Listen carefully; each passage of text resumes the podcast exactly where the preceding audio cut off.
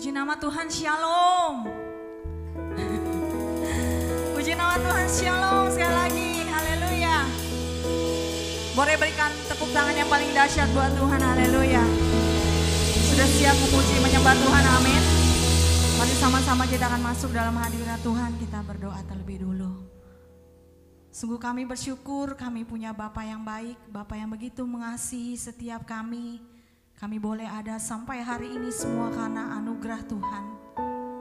Pada pagi hari ini Tuhan, kami mau sama-sama buka hati kami. Kami rindu menyembah Tuhan, meninggikan nama Tuhan di tempat ini Yesus. Dan kami percaya Tuhan, Engkau memberkati setiap kami, mengurapi setiap kami. Biarlah kami percaya Tuhan ada nyanyian yang baru yang kau sediakan buat setiap kami. Ada sukacita yang melimpah yang kau sediakan buat setiap kami pada pagi hari ini Tuhan. Terima kasih Bapa. Kami mengucap syukur buat setiap segala kebaikan yang kami terima sepanjang hidup kami Bapa. Tidak ada yang dapat kami lakukan selain kami menyembah Tuhan dengan sungguh-sungguh pada pagi hari ini. Terima kasih Bapa. Roh Kudus urapi setiap kami, layakan setiap kami. Kami buka ibadah kami hanya di dalam satu nama Tuhan Yesus Kristus. Haleluya, sama-sama dengan saya katakan. Amin. Boleh sama-sama saya undang kita semua bangkit berdiri kita akan bersuka cita terlebih dulu buat Tuhan. Mari sama-sama kita masuk dalam hadirat Tuhan dengan hati yang bersyukur. Amin.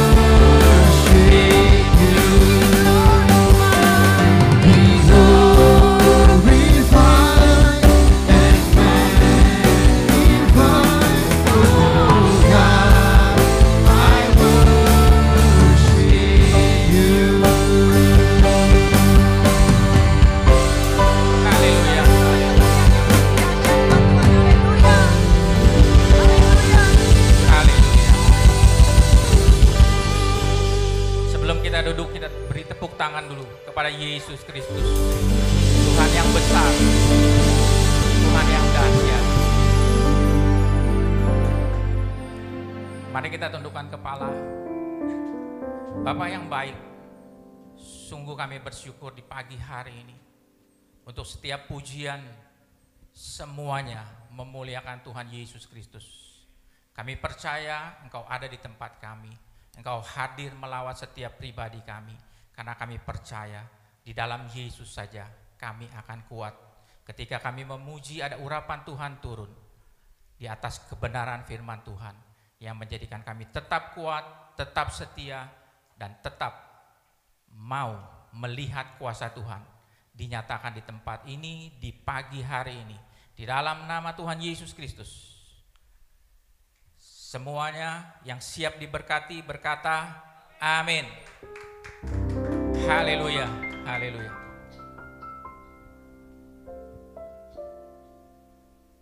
Ya, shalom. Ya, selamat pagi. Kita percaya setiap pagi ketika kita memuji, ketika kita menyembah Tuhan dan terlebih lagi di pagi hari ini kita hadir di tempat ini untuk mencari Yesus Kristus. Karena dia yang sanggup mengubahkan kita sehingga kita hidup kita bisa menjadi bertumbuh dan berdampak bagi sekeliling kita. Judul khotbah saya adalah dampak ketika kita bertumbuh. Mungkin judul khotbah ini saya diberikan ilustrasi oleh hambanya. Satu hal yang simpel, dampak ketika kita bertumbuh. Tetapi dari satu hal yang simpel ketika kita mau bertumbuh, kita tetap harus setia dan kita tetap harus melakukan proses yang Tuhan mau kita menjalani bukan menjadi manusia yang instan, tetapi Tuhan mau kita menjalani proses kehidupan kita. Hari lepas hari kita, kita percaya kita dipelihara Tuhan. Kita percaya ada tangan Tuhan yang selalu menyertai. Tetapi penyertaan Tuhan tidak sampai di situ. Hidup yang benar adalah hidup yang mau diproses Tuhan. Bukan hidup yang mau secara instan. Tetapi ketika kita hidup mengerti apa yang Tuhan taruh, apa yang Tuhan inginkan di dalam setiap pribadi kita. Tuhan mau kita tinggal tetap di dalam prosesnya Tuhan. Tuhan mau kita tetap setia iring Tuhan. Walaupun semuanya belum tentu Tuhan jawab. Tetapi Tuhan mau kita tetap berterima kasih. Tuhan mau kita tetap bersyukur. Tuhan mau kita tetap berkata engkau Allah yang besar. Engkau Yesus Kristus. Engkaulah kekuatan di dalam kehidupan kita di pagi hari ini. Arti dampak yang saya cari di dalam Kamus Besar Bahasa Indonesia yaitu pengaruh kuat yang mendatangkan akibat baik atau akibat buruk. Mungkin kita beberapa hari lalu kita sudah mendengar cerita di luar sana. Bagaimana dampak yang baik, bagaimana dampak yang buruk yang kita pelajari dalam satu bulan ini mengenai pengetahuan. Dan terlebih lagi minggu lalu saya pun mendengar yang kita sering mendengar dari berita-berita. Kita bisa melihat dampak yang baik akan menghasilkan suatu yang baik. Suatu yang berkepanjangan, suatu yang konsisten untuk kita tetap bertumbuh di dalam kebenaran firman Tuhan. Karena ketika kita bertumbuh di dalam kebenaran firman Tuhan, kita akan melihat dampaknya menjadi baik, semakin baik, dan semakin baik, dan sangat-sangat baik. Seperti firman yang mungkin kita pernah mendengar, ketika Ishak menabur di tanah yang subur, semakin hari dia diberkati, semakin hari semakin melimpah-limpah. Karena itulah dampak yang baik. Ketika kita mengalami Tuhan di pagi hari ini, saya percaya setiap kita pasti akan menghasilkan satu proses, proses yang baik dan baik bersama dengan Yesus Kristus. Dunia hari-hari ini tidak menjanjikan kepastian, tetapi hanya di dalam Yesus Kristus yang menghasilkan kepastian, dan kepastian itu ada di dalam Yesus Kristus. Mungkin kita beberapa hari lalu kita mendengar di berita dampak dari Fashion Week. Kita tidak ambil dari Fashion Week-nya, tetapi kita bisa melihat dampaknya yang terjadi. Sesuatu yang seharusnya tidak viral menjadi viral. Karena dunia sedang mempertontonkan ketidakpastian. Tetapi saya baca berita kembali bagaimana dua orang kakak beradik yang masuk di dalam olimpiade, tetapi itu tidak diviralkan. Karena dampak yang baik biasanya ditutupi oleh dampak ketidakpastian.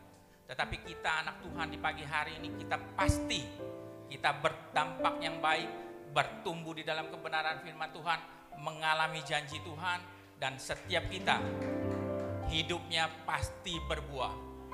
Berbuah yang manis dan semuanya untuk memuliakan Tuhan Yesus Kristus. Yang pertama, dampak yang baik yaitu memberi pengertian. Dampak yang baik ketika kita membuka hati untuk firman-Nya, tinggal di dalam kita dan memperoleh tempat di dalam hati kita. Maka firman itu akan segera menerangi kita, membuat kita dapat melihat cara Tuhan bekerja di dalam setiap pribadi kita. Karena Tuhan bekerja di dalam setiap pribadi kita itu berbeda-beda, tetapi semuanya untuk memuliakan Tuhan. Kita pasti mengalami Tuhan, bukan dari kata orang, tetapi kita harus memberi pengertian kepada Tuhan. Tuhan mau kita tetap belajar untuk mengerti isi hatinya Tuhan. Bukan Tuhan mau kita mengerti hatinya kita. Tuhan mau kita mengerti isi hatinya Tuhan. Ketika kita mendapati isi hatinya Tuhan, saya percaya kita akan mendapatkan semuanya yang terbaik, yang disiapkan Tuhan. Karena Tuhan mau di akhir zaman ini kita bertumbuh dan berdampak bagi sekeliling kita. Yang kedua, memberi kekuatan. Sebagai seorang beriman bahwa hidup kita telah dirancang Tuhan untuk menerima serta menyerahkan semua perkara kepada Tuhan karena Tuhanlah yang memberi kekuatan. Amin. Ketika kita menyerahkan semua permasalahan kita, ketika kita menyerahkan segala hal yang kita inginkan, apa yang kita mau, kita serahkan kepada Tuhan. Biarlah tangan Tuhan yang bekerja, biarlah tangan Tuhan yang merendra setiap kehidupan kita, sehingga hidup kita menjadi satu hidup yang luar biasa bersama dengan Tuhan Yesus Kristus. Firmannya saya ambil di dalam Mazmur 20 ayat 6. Sekarang aku tahu bahwa Tuhan memberi ke, kepada orang yang diurapinya dan menjawabnya dari surga. Yang kudus dengan kemenangan yang gilang gemilang oleh tangan kanannya. Amin. Sesungguhnya firman Tuhan di pagi hari ini ketika kita mengerti Ketika kita mengerti, sekarang aku tahu. Wow, sungguh luar biasa. Hari ini siapa pun yang memiliki iman, sekarang aku tahu. Aku tahu adalah saya pribadi, kita semua yang ada di sini. Ketika kita tahu bahwa Tuhan memberi kemenangan kepada orang yang diurapinya, biarlah iman kita di pagi hari ini kita tahu bahwa Tuhan Yesus yang memberi kemenangan bagi setiap kita yang mau datang duduk diam di bawah kaki Tuhan dan menerima lawatan Allah Roh Kudus, menerima urapannya daripada Tuhan Yesus Kristus. Tuhan akan membukakan jalan, Tuhan akan membukakan tingkap-tingkap langit sehingga akan kita melihat kemenangannya demi kemenangan, kemenangan demi kemenangan kita akan mengalami ketika kita disertai Tuhan ketika urapan Tuhan ada. Urapan Tuhan itu berbicara Roh Kudus. Kita sudah mendengar dari hamba-hamba Tuhan bahwa kita adalah Yesus Yesus kecil. Ketika kita percaya hidup di dalam pertobatan, kita ini adalah Yesus Yesus kecil. Sesungguhnya Yesus Yesus kecil itu ada di dalam pribadi kita. Ketika kita mengerti bahwa permasalahan boleh ada, pergumulan boleh ada, tetapi kita tidak menaruh permasalahan itu di dalam hati kita. Kita tidak menaruh pergumulan itu di dalam kehidupan kita. Kita akan melihat bahwa Yesus kecil itu, kita pribadi akan sanggup membuat setiap permasalahan itu ada di bawah kaki kita. Karena kita berjalan bersama dengan Yesus yang besar. Yesus yang besar kita masukkan di dalam pribadi kita. Sehingga kita yang kecil menjadi besar bersama dengan Yesus Kristus. Amin. Ya, firman Tuhan di pagi hari ini saya ambil di dalam firman-Nya. Mungkin kita sudah sering mendengar di dalam sekolah minggu, yaitu bercerita tentang Yusuf. Firman Tuhannya kita ambil. Pagi ini kita berbicara tentang Yusuf, anak dari Yakub. Israel yang dilahirkan daripada masa tua Yakub dari seorang istri yang bernama Rahel dan anak itu mendapat keistimewaan dari Yakub. Kita percaya bagaimana cerita Yusuf itu disertai Tuhan, dibela Tuhan sampai dia menjadi raja. Ketika kita mengerti bahwa kita adalah orang yang disertai Tuhan, orang yang diurapi Tuhan, orang yang dilindungi Tuhan, maka hidup kita tidak akan pernah sama. Karena kita telah memasukkan Yesus yang besar ada di dalam pribadi kita. Yang pertama, ada tiga pengetahuan yang membuat kita bertumbuh dan berdampak. Yang pertama, memiliki visi. Firman Tuhannya di dalam kejadian 37 ayat 5. Saya ambil dari firman Allah yang hidup. Pada satu malam Yusuf bermimpi dan ia menceritakan mimpinya kepada saudara-saudara saudara-saudaranya, sehingga kebencian mereka semakin dalam. Saya percaya setiap kita pasti mempunyai mimpi, Setiap kita pasti mempunyai keinginan, setiap kita pasti mempunyai satu tujuan goal. Bagaimana goal itu dapat terjadi? Hal yang simple yang mungkin kita sering tanyakan kepada anak kita atau kepada teman-teman kita yang anaknya masih sekolah. Kita suka menanyakan, mimpi apa kamu di masa depannya? Ada yang menjawab menjadi dokter, ada yang menjawab menjadi satu seorang tukang insinyur. Tetapi ketika kita sudah mengerti kebenaran firman Tuhan, biasanya sebagai orang tua kita mulai belajar memperkatakan apa yang diperkatakan anak. Kita mulai belajar untuk mendoakan anak. Biarlah mimpinya itu dapat terjadi di masa depannya. Karena mimpi itu adalah satu proses yang Tuhan taruh untuk kita tetap bertekun dan tetap memperkatakan mimpi itu sepanjang umur hidup kita. Karena kita tidak tahu kapan waktunya berbuah. Tapi kita percaya Tuhan yang kita sembah adalah Tuhan yang sanggup memberikan buahnya secara instan, cepat, dan pasti.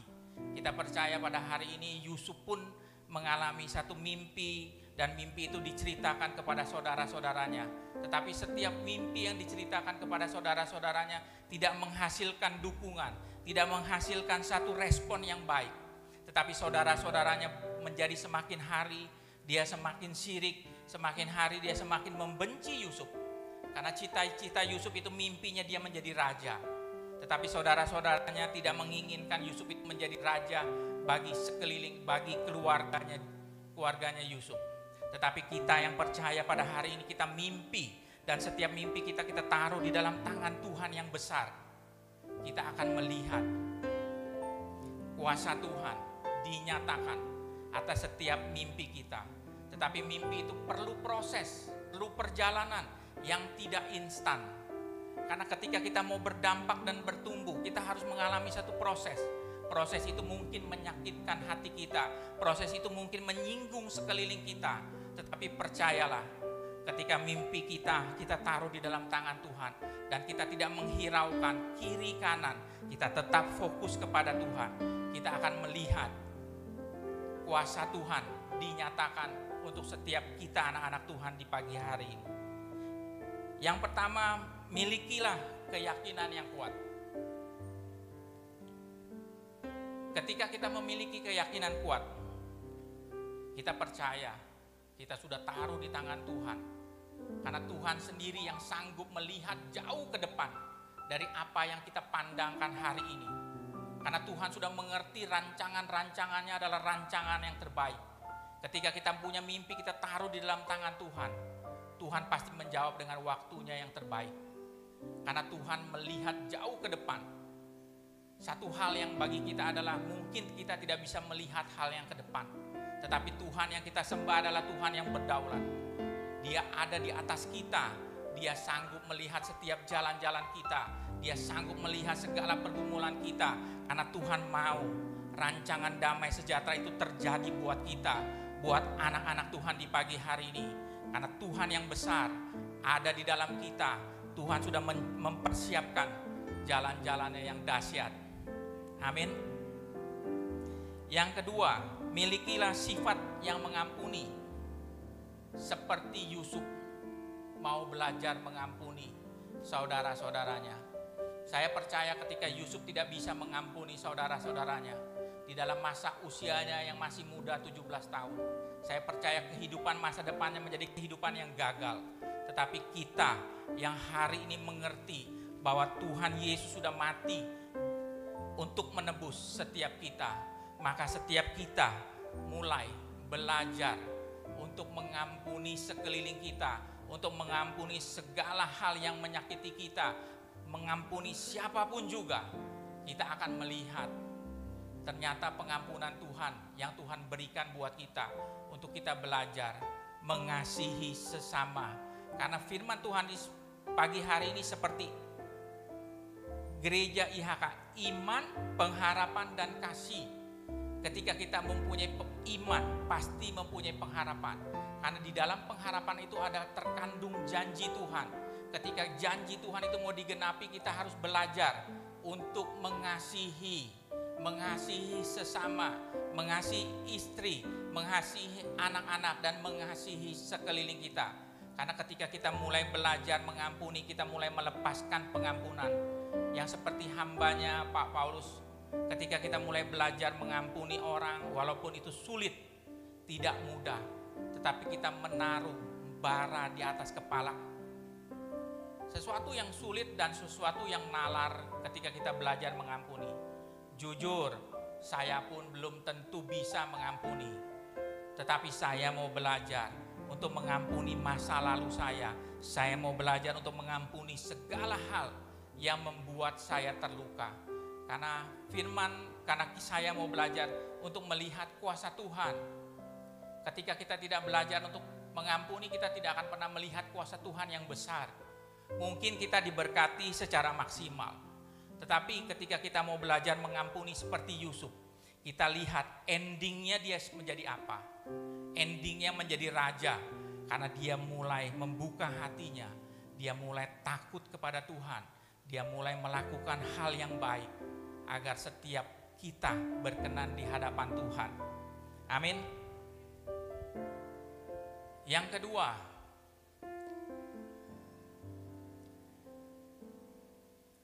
memiliki mentalitas kuat.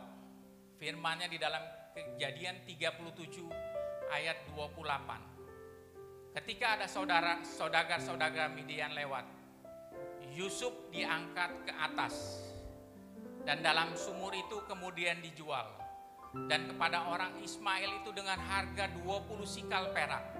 Lalu Yusuf dibawa mereka ke Mesir. Berbicara dijual ada berbicara yang sangat menyakitkan. Ketika kita punya mimpi tetapi mimpi kita tidak didukung, tidak diresponi, tetapi malah dicibir, tetapi malah dikecewakan, tetapi malah satu hal yang bukan membuat Yusuf itu baik, tetapi membuat Yusuf itu tidak enak hati. Sudah tidak enak hati, malah dijual dengan harga 20 sikal perak. Seorang budak pasti ketika kita jadi budak pasti tidak enak. Ketika kita menjadi asisten rumah tangga itu pun tidak enak. Karena kita harus suruh ini, suruh itu, kita harus suruh dia melakukan satu hal. Kita suruh dia untuk melakukan satu hal. Tetapi semua itu Yusuf meresponi dengan baik. Hal yang dijual itu sangat menyakitkan. Ketika saya dijual itu sangat menyakitkan karena harga diri saya pasti jatuh. Tetapi Yusuf mau belajar setia. Ketika dia dijual, dia tetap setia. Ketika dia di ketika dia dijual, dia tetap setia. Ketika dia dijual bersama dengan orang Ismail dan dijual kembali ke suaminya uh, Potifar. Saya percaya harga yang dijual bukannya menjadi semakin baik, tetapi semakin turun. Kita bisa melihat Yusuf, dia bukan semakin naik, tetapi dia semakin turun. Dia semakin turun, dia bukan menjadi seorang yang makin hari makin tinggi, tetapi makin hari makin rendah. Tuhan mau seperti itulah setiap kita. Apakah kita mau karakter kita dibentuk oleh Tuhan? Coba kita renungkan di pagi hari ini bagaimana Tuhan mau meresponi kita, mau membentuk karakter kita. Mungkin karakter kita hari ini adalah karakter yang jumawa. Orang yang sombong, orang yang angkuh, atau orang yang benar-benar keras kepala. Ketika kita mau mengalami satu perbedaan, ketika kita mau mengalami satu mujizat bersama dengan Tuhan, mulailah di pagi hari ini biarlah Allah Roh Kudus yang membentuk setiap karakter kita untuk kita semakin hari semakin rendah hati. Rendah hati itu berbeda dengan rendah diri. Tetapi rendah hati adalah orang yang mau dibentuk. Orang yang mau diberi masukan. Orang yang mengerti apa rencana Tuhan di dalam kehidupan kita. Karena karakter yang terbaik adalah waktu kita di bawah di dalam pergumulan yang hebat. Karakter yang baik itu kalau kita dibawa di dalam permasalahan yang luar biasa. Mungkin hari ini sakit penyakit, mungkin hari ini pekerjaan kita tidak menghasilkan satu yang baik. Mungkin hari ini kita belum ditolong Tuhan. Tetapi ketika karakter kita itu menjadi baik dan baik dan terlebih lagi semua yang belum dijawab oleh Tuhan, kita dapat mengangkat tangan, kita bilang Tuhan Yesus tetap hebat. Tuhan Yesus tetap dahsyat. Walaupun kita belum melihat mujizat Tuhan, walaupun hari ini kita masih di dalam sakit penyakit, walaupun hari ini kita tidak punya berkat, walaupun hari ini kita juga belum diberkati Tuhan, tetap tinggal di dalam permasalahan, tetapi hati kita berbicara, tangan kita mengangkat kedua tangan dan kita berkata, Tuhan Yesus yang besar sanggup membuat yang kecil menjadi besar karena Dia yang berdaulat, Dia yang berkuasa atas hidup kita. Karena ketika rancangan Tuhan itu terjadi, kita akan melihat bahwa Yesus yang hari ini saya layani, bahwa Yesus yang hari ini saya sembah, Dia adalah Raja di atas segala raja yang sanggup memberikan kekuatan, yang sanggup memberikan terobosan, yang sanggup memberikan kita sukacita, yang sanggup memberikan damainya, yang sanggup memberikan sejahteranya, dahsyat dan luar biasa. Amin. Di pagi hari ini kita boleh belajar bahwa Yesus adalah Raja. Kita ketika kita mengerti dan kita mau setiap visi kita, setiap keegoan kita mulai kita letakkan di bawah kaki Tuhan dan kita sama-sama mengalami kuasa Tuhan ketika kita mau dibentuk dari satu hal yang memang menyakitkan ketika kita mau belajar untuk mengampuni saya percaya dari tempat ini akan mengalir kuasa yang dahsyat dan luar biasa untuk memuliakan Tuhan Yesus Kristus yang hebat. Yang ketiga,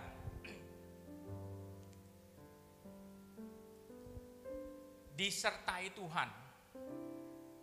Firman-Nya, tetapi Tuhan menyertai Yusuf sehingga ia menjadi seorang yang selalu berhasil di dalam pekerjaannya.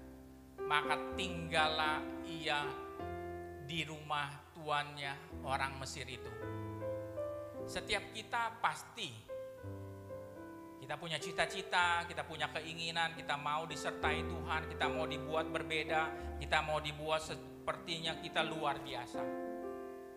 Tetapi maunya Tuhan, ketika kita diberkati, kita semakin tunduk.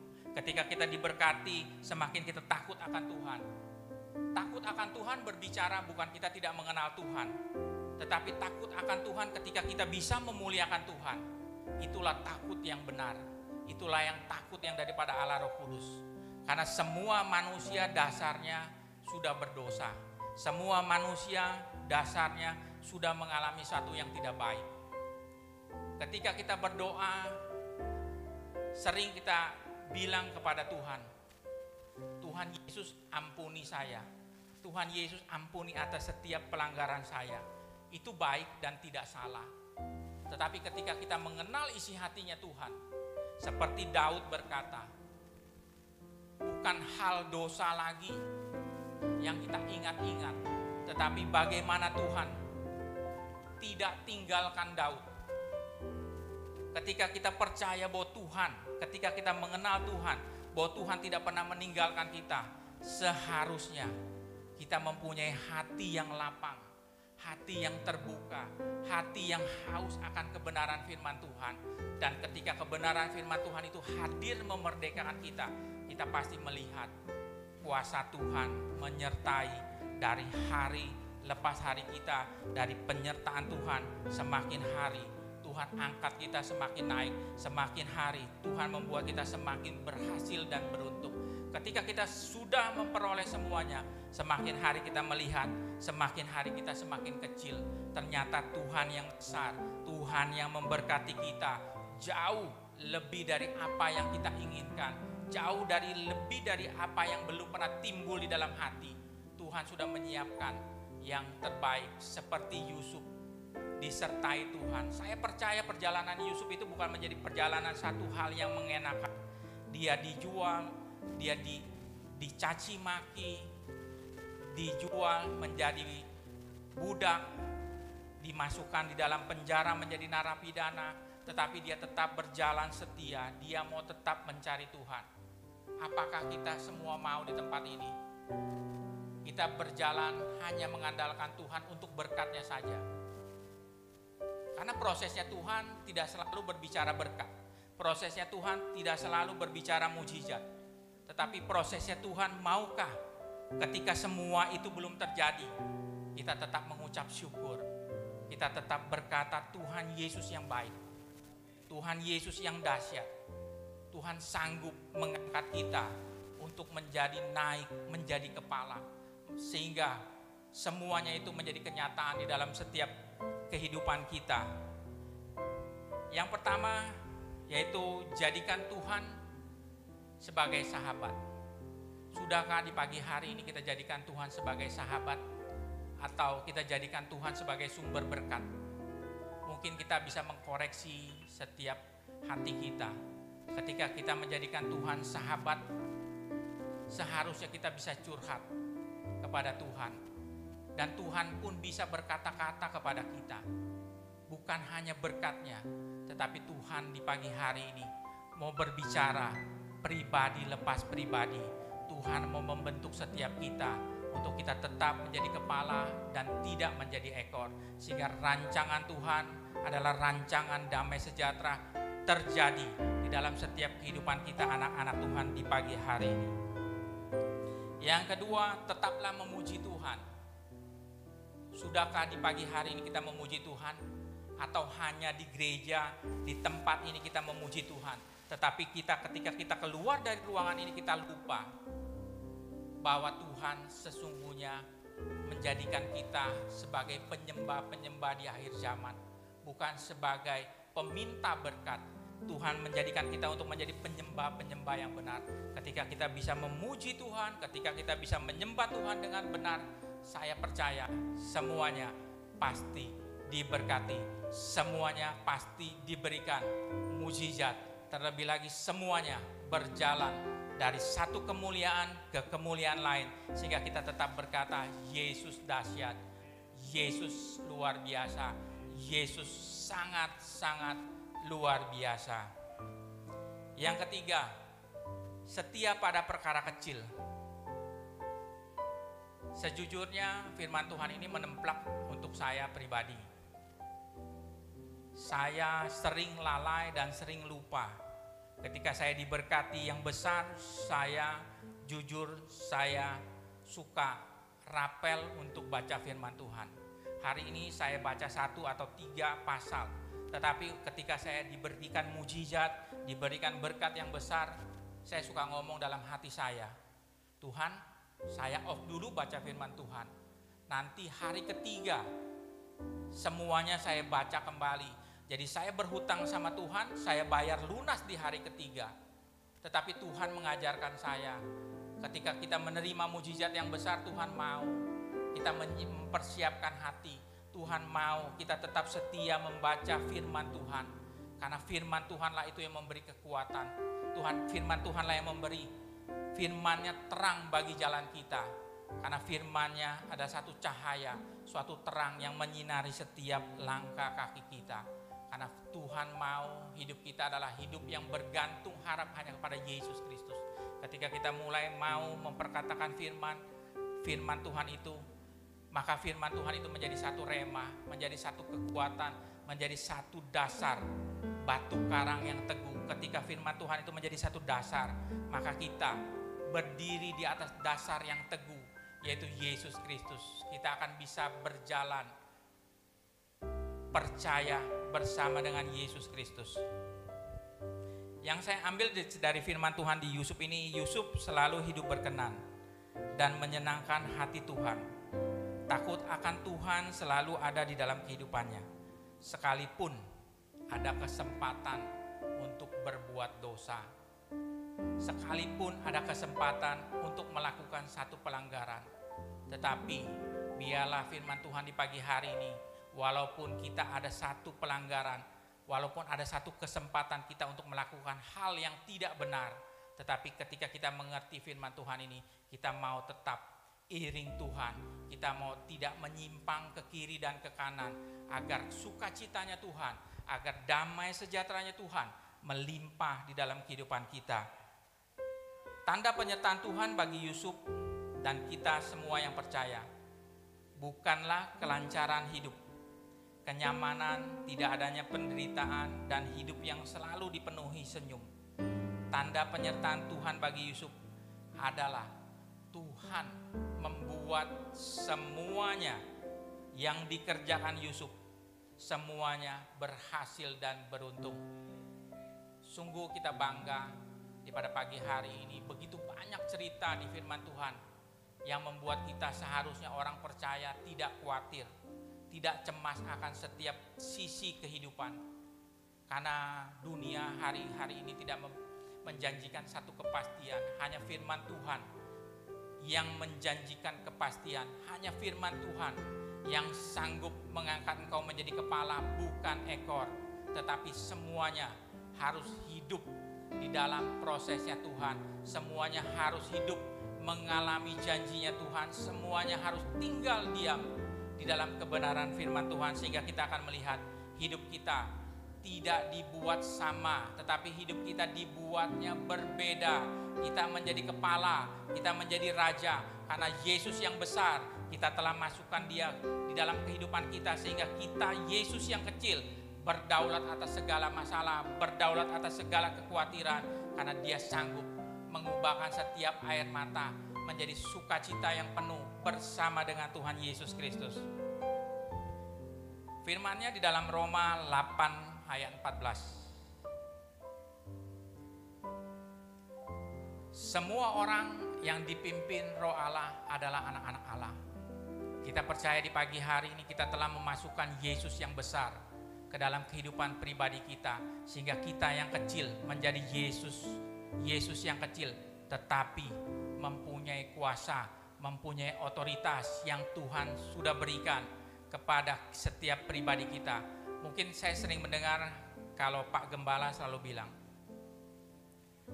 Yesus yang besar ketika dimasukkan ke dalam pribadi kita yang kecil sehingga pribadi kita yang kecil mempunyai kuasa. Mungkin firmannya di dalam Lukas 10 ayat 19. Saya sering berbicara gini. Tuhan memberikan aku kuasa untuk menginjak ular dan kalajengking serta menahan kekuatan musuh. Ketika kita percaya yang besar telah dimasukkan di dalam pribadi kita yang kecil, maka kita yang kecil menjadi mempunyai kuasa yang besar. Kita dapat mematahkan segala kekhawatiran, kita dapat mematahkan segala hal-hal yang tidak baik di dalam setiap kehidupan kita. Sehingga hal yang besar itu mendatangkan satu yang besar bagi setiap pribadi kita anak-anak Tuhan di pagi hari ini.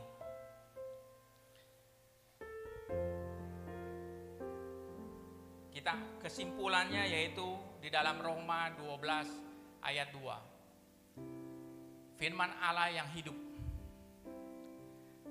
Jangan meniru tingkah laku dan kebiasaan dunia ini, melainkan jadilah orang dengan kepribadian yang sama sekali baru dalam segala perbuatan dan pikiran. Niscaya saudara akan mengerti dari pengalaman sendiri bahwa jalan-jalan Allah itu sempurna dan sungguh-sungguh memuaskan saudara. Saya percaya firman Tuhan di pagi hari ini dari antara tiga kita mempunyai mimpi, kita mempunyai visi. Ketika kita mau dibentuk mentalitas kita bukan menjadi mentalitas seorang peminta, tetapi mentalitas kita adalah mentalitas seorang raja. Ketika kita percaya bahwa kita mentalitas kita adalah raja, kita pasti disertai Tuhan. Semua terjadi sesuai kapasitas iman kita, percaya kita kepada Yesus Kristus Tuhan. Saya percaya firman Tuhan yang luar biasa di pagi hari ini boleh sangat memberkati setiap kita anak-anak Tuhan. Amin. Mari saya tutup di dalam doa. Terima kasih Bapa untuk setiap kebenaran firman Tuhan. Biarlah Allah Roh Kudus yang memberikan kita kekuatan. Allah Roh Kudus yang membukakan mata rohani kita Ketika kita mempunyai mimpi, kita taruh di dalam tangan Tuhan. Ketika kita punya mental, mental kita adalah mental seorang pemenang, imamat rajani. Ketika kita disertai Tuhan, maka kehidupan kita akan dibuat Tuhan berbeda menjadi seorang yang hidup takut akan Tuhan, menjadi seorang yang diberkati dahsyat dan luar biasa. Biarlah firman Tuhan yang sederhana di pagi hari ini boleh memerdekakan setiap pribadi kami anak-anak Tuhan. Biarlah firman Tuhan menjadi satu kekuatan, menjadi satu pegangan untuk kami tetap menjalani hari esok, penyertaan eh, hari esok bersama dengan Tuhan. Dan kami akan melihat bahwa minggu yang akan datang kita akan melihat kuasa Tuhan dinyatakan atas setiap pribadi kami anak-anak Tuhan yang pagi hari ada di tempat ini, pagi hari ini menyaksikan live streaming di pagi hari ini, kami percaya kuasa yang tidak terbatas mengalir, membentuk setiap pribadi kita. Karena kita adalah anak-anak Tuhan, pemenang-pemenang yang bahkan lebih daripada pemenang. Terima kasih Tuhan Yesus untuk firman Tuhan di pagi hari ini di dalam nama Tuhan Yesus. Kami sudah berdoa mengucap syukur. Haleluya. Amin. Bersamamu Bapa Boleh saya undang kita semua bangkit berdiri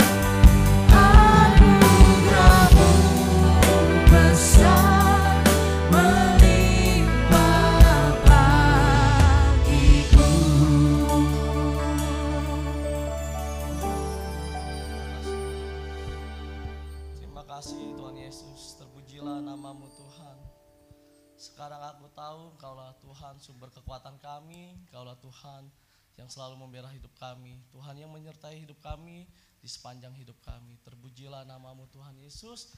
Terima kasih firman-Nya yang sudah disampaikan sangat memberkati hidup kami Tuhan. Kami mau menjadi serupa dan segambar dengan Engkau Tuhan. Semakin kami diberkati, semakin kami merendah hati dan semakin kami memuji dan memuliakan namamu Tuhan Yesus. Terima kasih Tuhan. Kami berdoa untuk Pastor Rudi Wijaya yang telah eh, mensampaikan firman kebenaran-Mu Tuhan. Berkati Pastor Rudi Wijaya Tuhan dalam setiap pelayanannya, kehidupannya, apa yang dikerjakan dengan kedua tangannya Tuhan buat berhasil dan beruntung. Istri dan anak-anaknya apa yang mereka kerjakan dan mereka lakukan Tuhan buat berhasil dan beruntung juga Tuhan. Terima kasih Tuhan. Kami berdoa untuk Bapak Gembala kami yang sedang dalam pelayanan di IHK Bandung Tuhan. Tuhan berkati dalam setiap pelayanannya, Tuhan berkati kehidupannya dan Tuhan eh, lindungi dalam setiap perjalanannya dan menuju ke pulang perginya Tuhan lindungi. Dan apa yang dikerjakan dengan eh, Bapak Gembala dengan kedua tangan Tuhan berkati. Dibuat berhasil dan beruntung. Istri dan anak-anaknya juga Tuhan berkati. Dan keluarga besarnya apa yang mereka kerjakan dengan kedua tangan Tuhan berkati. Terima kasih Tuhan Yesus. Dan kami berdoa juga untuk gereja IHK Palem. Eh, ini adalah gerejamu Tuhan. Kami percaya banyak jiwa dimenangkan. Banyak pemimpin-pemimpin muda yang lahir di gereja ini Tuhan biar gereja ini berdampak bagi banyak orang dan sekitar kami Tuhan. Terima kasih Tuhan. Kami berdoa juga untuk eh, satelit IHK Pal- eh, IHK yang ada di kota, di Bogor, di Bandung Tuhan. Kami berdoa. Tuhan berkati juga gembala-gembala sidangnya yang sedalam pelayanannya. Tuhan berkati dalam setiap apa yang kami mereka kerjakan. Dengan kedua tangannya Tuhan ber- berhasil dan beruntung. Dan banyak jiwa dimenangkan dan banyak pemimpin muda yang lahir melalui gerejanya. Tuhan, gerejamu Tuhan. Terima kasih Tuhan dalam setiap pendanaannya kami serahkan di dalam tanganmu Tuhan dan kami berdoa juga Tuhan untuk jemaat-jemaat kami yang hadir secara langsung Tuhan atau yang mengikuti ibadah secara online Tuhan. Tuhan berkati kami semua di mana pun kami berada. Tuhan kami apa yang kami kerjakan, Tuhan buat berhasil dan beruntung dan eh, jemaat-jemaat kami yang imannya lemah, Tuhan kuatkan dan kami berdoa juga apabila jemaat kami yang sedang mengalami kesakitan, Tuhan berikan pemulihan, kesembuhan dan yang susah Tuhan hibur dan Tuhan berkati secara kelimpahan. Terima kasih Tuhan. Sebelum kami akhiri doa, kami rindu untuk berkata-katakan iman. Mari kita angkat tangan kanan di atas kepala, tangan kiri di dada kita ucapkan dengan kata-kata iman. Tiga, dua, satu, saya percaya saya adalah anak Tuhan yang penuh dengan kemuliaan Tuhan, hidup dalam keputusan, di dunia dan masuk surga.